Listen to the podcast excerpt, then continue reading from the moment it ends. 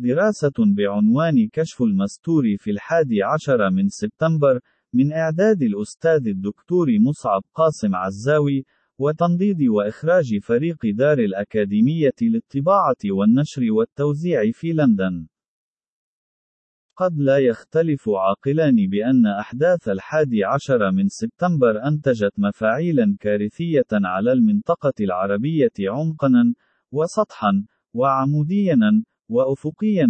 سواء في بعثرة شتات المجاهدين الأفغان الذين قامت بتصنيعهم وتدريبهم وأدلجتهم وكالة الاستخبارات الأمريكية في ثمانينيات القرن المنصرم لصد التمدد السوفيتي على أفغانستان، أو في مأساة تهشيم العراق وتحويله إلى مستنقع لاستنبات وتوطيد كل ذلك الشتات، وتحويله إلى جول سرطاني برؤوس متعددة سواء ما أطل برأسه على الطريقة الداعشية، أو ما ينتظر دوره بعد للبزوغ المهول في فصول المسلسل الأمريكي الطويل عن الحرب على الإرهاب، وما يستقيم بتوازن معه من مشروع الفوضى الخلاقة التي بدأت حنجلتها الجهنمية في البزوغ مؤخرا في تركيا بعدما ابتلعت الأخضر واليابس في سورية، والعراق، واليمن، في الوقت الذي تبقى إرهاصاتها جمرا تحت الرماد في غير موضع على امتداد الجغرافيا العربية والإسلامية. ويكتسي العمل البحثي في كشف ملابسات ما حدث فعلا قبل وخلال الساعات الكارثية من يوم الحادي عشر من سبتمبر المشؤوم، وما تلاه من إجراءات إدارية وتنفيذية حكومية في الولايات المتحدة، بصعوبات تقنية في ضوء التعتيم الإعلامي المتعمد حول تفاصيل كل ذلك، واكتفاء المنابع الإعلامية الأمريكية الكبرى ومن التحق بتلابيبها من المؤسسات الإعلامية الصغرى في الولايات المتحدة، وعالميًا، باجترار الرواية الرسمية الأمريكية المختصرة، والتي يبدي البحث الاستقصائي المدقق بأنها في جوهرها رواية ملفقة تعمد إلى تعمية البصيرة بهول الكارثة باعتبار الكل سذجا ومنفعلين، سوى الذين يغرقون سمع وبصر أولئك الأخرين بما عليهم قبوله والتسليم به حتما.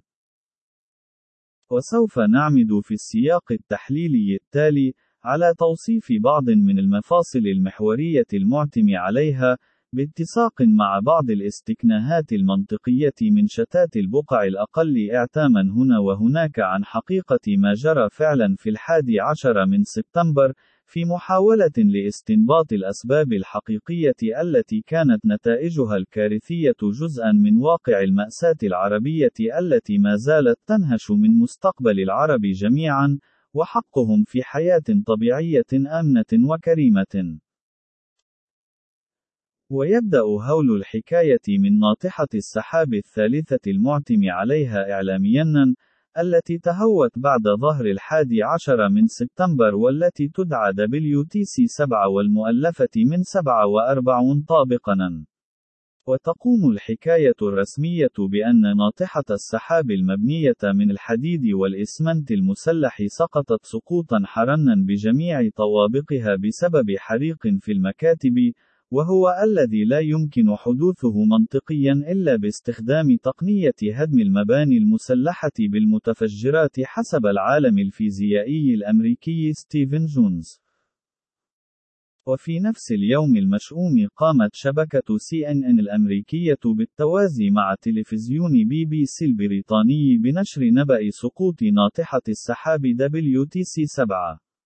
وحينما كانت المراسلة على شاشة تلفزيون بي بي سي تعلن نبأ تهاوي ناطحة السحاب WTC 7 كانت ناطحة السحاب نفسها المعلن عن سقوطها شاخصة سليمة من كل أذى في خلفية المشهد الذي تبث منه المراسلة بشكل حي من واقع الحدث المهول. وبعد عدة سنوات من الأخذ والرد من قناة بي بي سي البريطانية التي تذرعت بأنها فقدت شريط التسجيل الذي يوثق تلك المفارقة الإعلامية، أعلنت بأنها وجدت الشريط المفقود وأن تبرير تلك المفارقة هو أن ما حدث في ذلك اليوم كان مضطربا وعشوائيا. وهذا يعني بأن قدرة استثنائية مكنتهما من استبصار واستشراف المستقبل والتكهن بناطحة السحاب التي سوف تقع بعد قليل من مجموعة كبيرة من البنايات الشاهقة التي تأذت بفعل الطائرتين اللتين اصطدمتا ببرجي التجارة العالمية قبل ذلك بفترة وجيزة. وهو ما يعني منطقيا بأن هناك مستورا كبيرا أو صغيرا تبدى من خلال خطأ إخراجي لسيناريو مرسوم مسبقا، والذي تلاه خطأ إخراجي ثان يتعلق بنفس ناطحة السحاب WTC-7 نفسها، حين أنكر وزير الدفاع الأمريكي السابق دونالد رامسفيلد في مقابلة صوتية بأنه لم يسمع باسم ذلك البناء من قبل على الإطلاق، وهو كذب صريح بنفس الطريقة التي كذب رامسفيلد نفسه بها عن وجود الأسلحة النووية في العراق تمهيدا لاحتلاله وتهشيمه في العام 2003 وتكمن أهمية هذه الكذبة أو الخطأ الإخراجي في أن البناء نفسه WTC-7 والمؤلف من 47 طابقا كان مشغولا في 37 طابقا منه من قبل شركة Salomon Smith Barney SSB والتي كان رامسفيلد نفسه متعاقدا معها كرئيس للهيئة الاستشارية فيها وكان كذلك نائب الرئيس جورج بوش الابن ديك تشيني عضوا في مجلس إدارتها منذ إنشاء الشركة ولحين انتقالهما معا فيها إلى إدارة الرئيس جورج بوش الابن في العام 2001 وهو نفس الوقت الذي كان رامسفيلد يعمل خلاله كمستشار خاص مدفوع الأجر لرئيس وكالة الاستخبارات الأمريكية جورج تينيت جورج تينيت. أما الطوابق العشرة الباقية من البناء فكانت مشغولة في معظمها بمكاتب سرية تابعة لوكالة الاستخبارات الأمريكية، والتي كانت تعمل تحت واجهات حكومية متعددة لتغطية وجودها في البناء حسب ما نقلته وكالة نيوز سي بي إس من قبيل وكالة الضرائب المركزية ووزارة الدفاع الأمريكية التي كان يرأسها رامسفيلد نفسه أو وكالة التحوطات والتحويلات المالية SEC وكانت مهمة المكاتب السرية تلك حسب المؤسسة الإعلامية الأخيرة التجسس وتجنيد الدبلوماسيين المقيمين في الولايات المتحدة لصالح وكالة الاستخبارات المركزية الأمريكية، واستخلاص المعلومات من المدراء التنفيذيين للشركات الأمريكية عقب عودتهم من رحلات العمل من خارج الولايات المتحدة.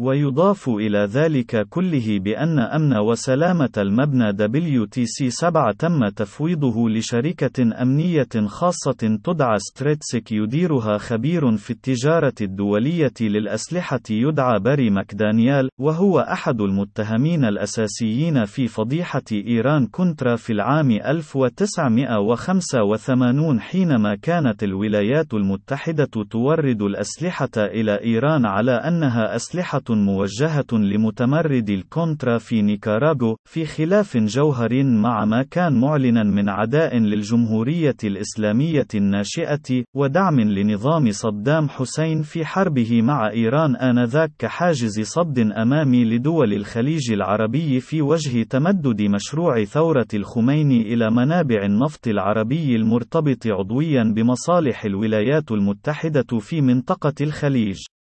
وهو نفس الشخص الذي انتقل عقب أحداث الحادي عشر من سبتمبر للعمل مديرا تنفيذيا لشركة اسمها Lancaster Systems and Solutions والتي يرأس مجلس إدارتها بروس برادلي، وهو نفسه مؤسس شركة Bradley Woods، والتي بدأ ديك تشيني نائب الرئيس الأمريكي جورج بوش الأبن حياته المهنية فيها، وكان يعود للعمل فيها في الفترات الزمنية التي لم يكن يعمل فيها في البيت الأبيض للرئيسين نيكسون وفورد، وكان يمثل الصديق الأقرب لديك تشيني خلال فترة الأربعين عاما التي سبقت أحداث الحادي عشر من سبتمبر.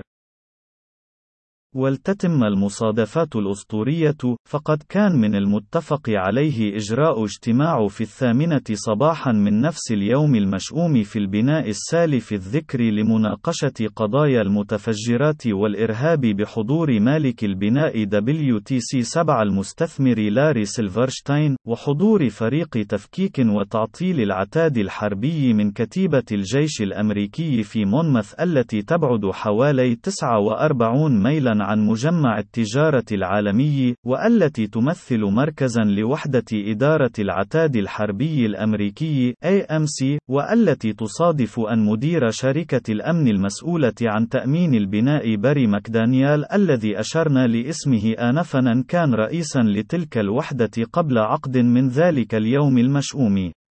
وهو اجتماع تم ترتيبه بناء على طلب المكتب السري التابع لوكالة المخابرات الأمريكية المسؤول عن منطقة التجارة العالمية وموافقة مالك البناء، وحضور فريق الوحدة السادسة المتحركة المتخصصة بتعطيل العتاد الحربي المتفجر من قوات البحرية الأمريكية لنفس الاجتماع والذي تزامن وصولهم إلى البناء WTC 7 مع اصطدام الطائرة الأولى ببرج التجارة العالمية الأول.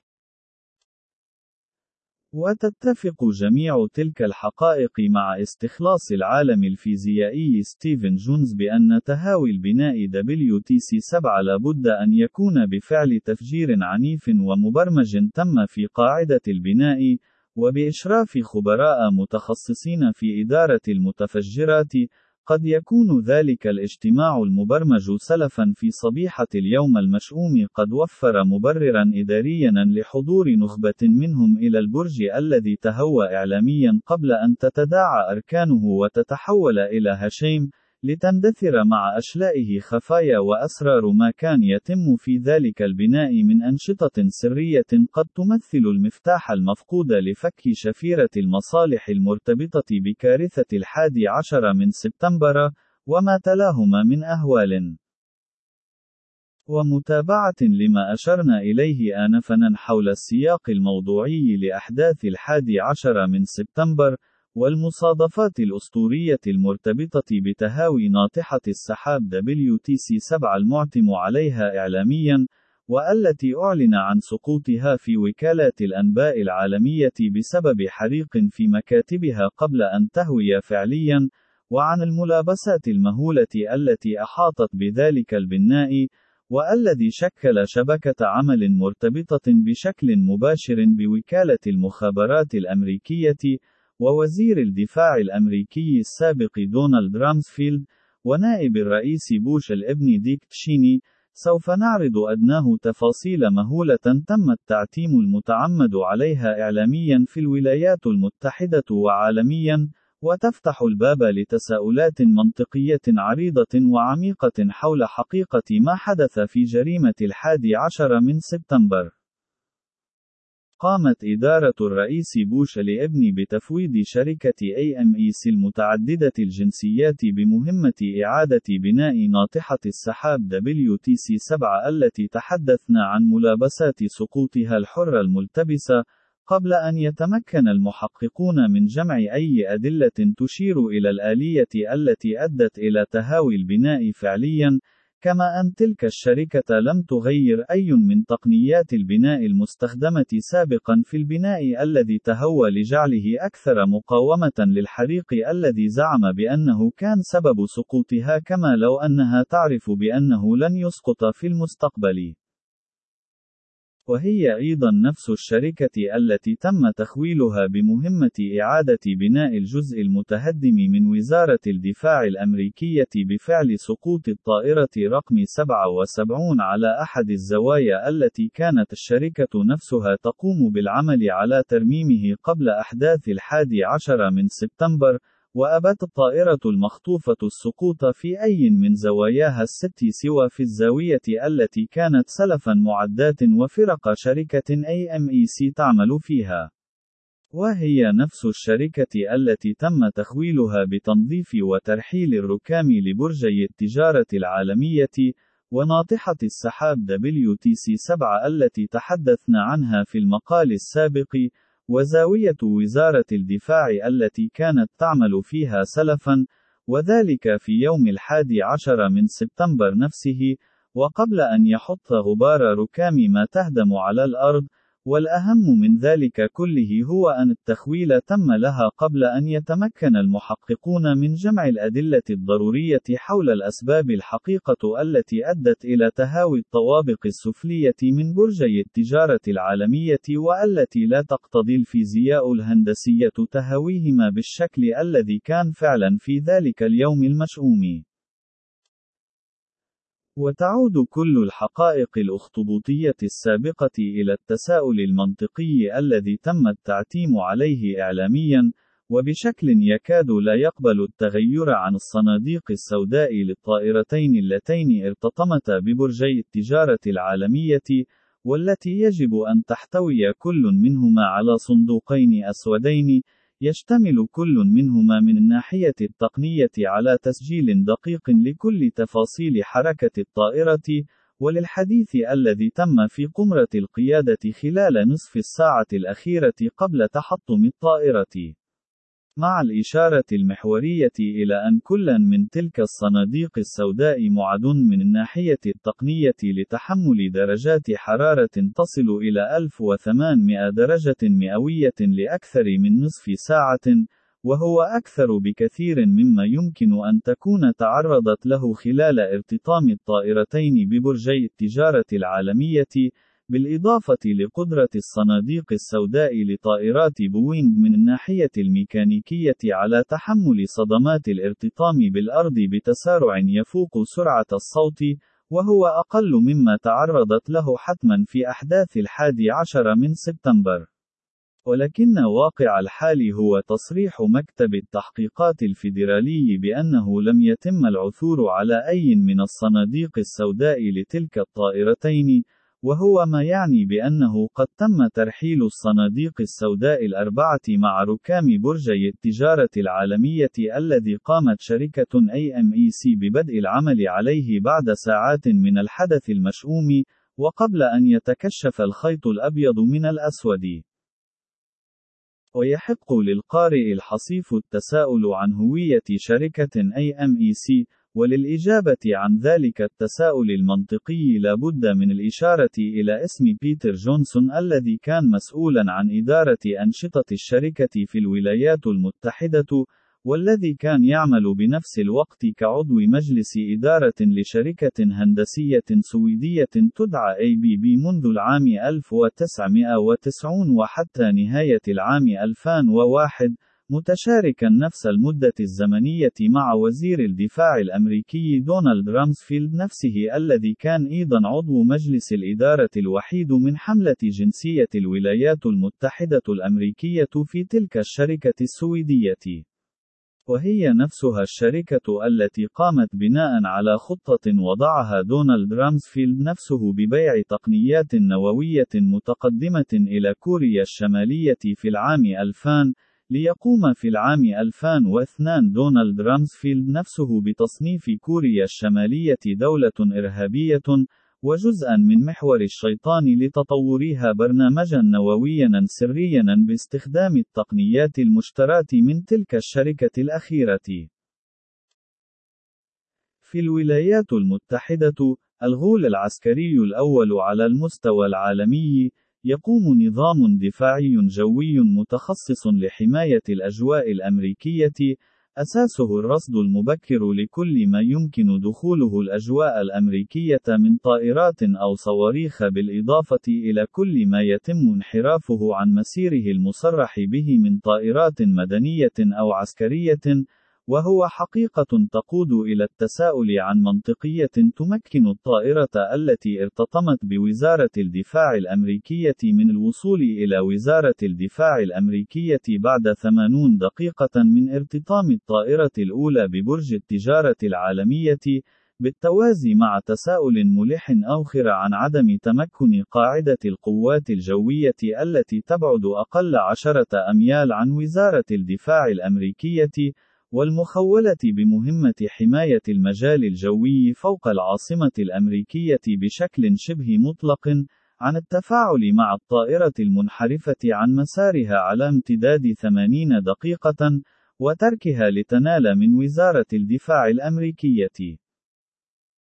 وعلى المقلب الثاني من هول الإخفاق الدفاعي غير المفسر للدولة الأولى عسكريًا على المستوى العالمي تكمن التدريبات الشاملة للجيش الأمريكي في عموم الولايات المتحدة، والمبرمجة سلفًا من قبل وزارة الدفاع الأمريكية للبدء بها في صبيح يوم الحادي عشر من سبتمبر، والتي تضمنت تدريبات حول اختطاف طائرات مدنية وسوقها للارتطام بمباني حكومية في ولاية نيويورك، واحتمالات حدوث حالة طوارئ كبرى في مركز مدينة نيويورك، والتي قادت لإخفاق عديد من وحدات الجيش الأمريكي للتفاعل مع الطائرات المختطفة، والذين كان معظم قادتها وعديدها يظنون باحتمال كون ما يسمعونه في وسائل الإعلام جزءا من التدريبات العسكرية المبرمجة من وزارة الدفاع الأمريكية. وهي الحقيقة التي تم التعتيم عليها إعلاميا بشكل شبه مطلق،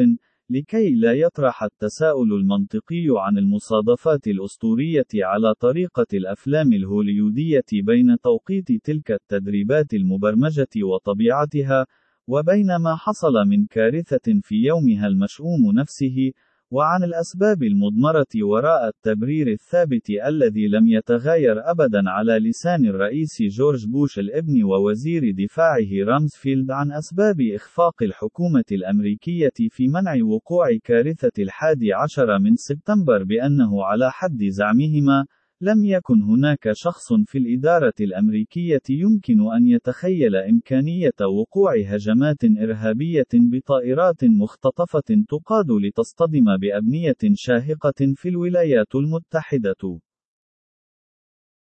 وليكتمل استكناه بلة الطين المريب لا بد لكل عاقل مهتم بمعرفة تفاصيل ما حدث في يوم الحادي عشر من سبتمبر من البحث المنهجي في ملابسات دخول الخاطفين إلى الولايات المتحدة، وعن حقائق استثنائية تتعلق بسلوك وحياة الخاطفين المفترضين، وعن العلاقة التساكن المحتملة بينهم وبين عملاء من مكتب التحقيق الفيدرالي ووكالة الاستخبارات الأمريكية، واحتمال المعرفة المسبقة لتلك الوكالة الأخيرة بما يعزمون عن القيام به، بالإضافة إلى تفاصيل استثنائية عن علاقة زعيم تنظيم القاعدة وعائلته بفريق إدارة الرئيس جورج بوش الإبن ووكالة الاستخبارات الأمريكية على امتداد سنوات طويلة، وحتى يوم الحادي عشر من سبتمبر وما بعده، وهو ما سوف نسعى لمقارنة مقاربته في المستقبل المنظور إن أستطعنا إلى ذلك سبيلا.